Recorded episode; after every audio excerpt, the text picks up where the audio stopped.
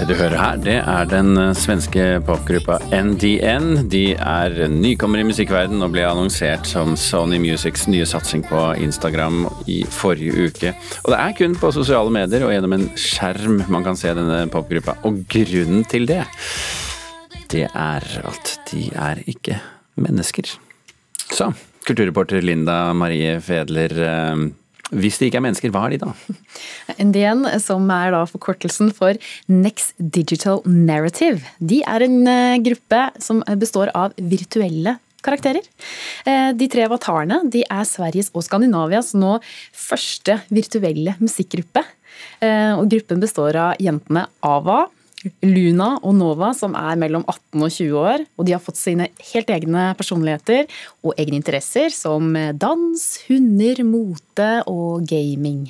Jeg får assosiasjoner til sånn japansk og koreansk animekultur her, jeg. Ja, det kan man jo si, fordi plateselskapet Sony, som da lanserer disse jentene, de, eh, de sier at musikken er inspirert av k-pop, som da er sørkoreansk eh, pop som nå herjer verden rundt. Og både Japan og Sør-Korea de har tidligere erfaring med å eh, lage slike virtuelle popgrupper. Og nå da k-pop har blitt så stort eh, i hele verden, så er det ikke overraskende at det nå har kommet til også Norden. Uh, uh, ja. Men eh, litt av poenget med å liksom få Når man har idoler og popidoler og sånt, det er jo å følge dem. Man skal liksom lese inn og tolke budskap osv. Det er kanskje ikke så lett med en virtuell gruppe? Nei, så Enn så lenge så kan man jo bare følge Her er det en gammel fyr som snakker, altså. Bare så det er notert. ja, ja. ja, men da skal vi ta høyde for at du også skal få lov til å da følge de på Instagram og TikTok og deres egen nettside. Men så skal det også da lanseres eh, en helt egen avatar-app, der hvor fansen og artistene da kan liksom samhandle. Og man kan lage sin egen avatar, og så kan man sette seg inn, eller plassere seg inn i artistenes musikkvideoer. Men så skal vi faktisk sette at det her har funket før også. Fordi vi har jo eksempler på for eksempel, ja, britiske Gorillas, og vi har Crazy Frog, One Hit Wonder, men også Smurfene. Av de tre så velger jeg meg Gorillas. Men eh, tror man at dette kan eh, føre til en eh, At dette er ikke det første, men det første av mange? Altså, Det er jo ingen eh, tvil om at eh, det å blande spillkultur, som eh, da dette her er litt inspirert av, med musikk, er jo blitt en kjempesuksess. For ekte artister har jo faktisk begynt å flørte litt med spillindustrien. I fjor så hadde rapperen Travis Scott en virtuell konsert i spillet Fortnite, og var, den ble sett av over 12 millioner mennesker. Så det er gode penger i dette. Og så på den andre siden, virtuelle artister de trenger jo ikke pauser. De stiller ingen krav, og de kan være med i alle plattformer.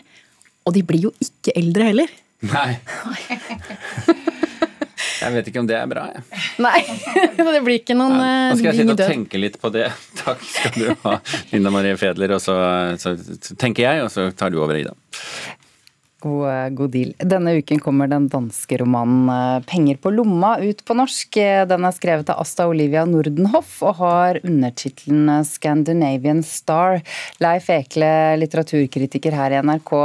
Er det mulig å skrive noe nytt om denne fergekatastrofen for mer enn 30 år siden? Det er ikke så lenge vi så en veldig omfattende TV-serie. Nei, Det er nok en naturlig tanke, og den streifa meg også. Men stikkordet er roman. eh, Og denne boka er noe helt annet. Og den er også begynnelsen på en sjubindsroman, altså en septologi. Så vi har jo en hel del i vente også. Forfatteren Asta Olivia Nordenhoff, eh, hvem er hun? Ja, hun er dansk. Uh, ung. Hun fyller 33 i år. Hun har skrevet to bøker før. Den ene en diktsamling. Uh, kritikeren i Danmark har vært over seg i veldig stor grad, ikke minst pga. språket hennes. Eh, Asta Olivia Nordenhoff var altså to år da denne ulykka skjedde. Akkurat som bokas 'Jeg forteller'. Det er altså ikke selvopplevd, dette her, men eh, det er noe annet som driver det hele. Ja, Hva handler dette om? Kan du beskrive romanen? Jeg skal prøve. Det er en historisk og realistisk roman. Men den har en metafysisk eller nesten overnaturlig start. Det kunne ha dempa det vellykka inntrykket, men altså hvis den ikke var så velskrevet, denne åpningen. Eh, som også danner inngangen til to mennesker. Eh, det er Maggie og Kurt. Det er livene de lever sånn til dels i randsonen av det danske samfunnet fra de er unge til tida deres er over. Hva de to har med katastrofen i april 1990 kan virke uklart, men den koblinga, den kommer. Eh, men handlinga i denne boka, denne første av de sju, den ligger hos de to. Og så er det temaet, da, katastrofen og det politiske. Altså kapitalismekritikken som ligger i bunnen for dette her. Et system som tillater forbrytelse, skriver fortelleren. Der ideen så å si er at noen, om noen må dø for at noen få, skal få tjeneste, so be it, liksom.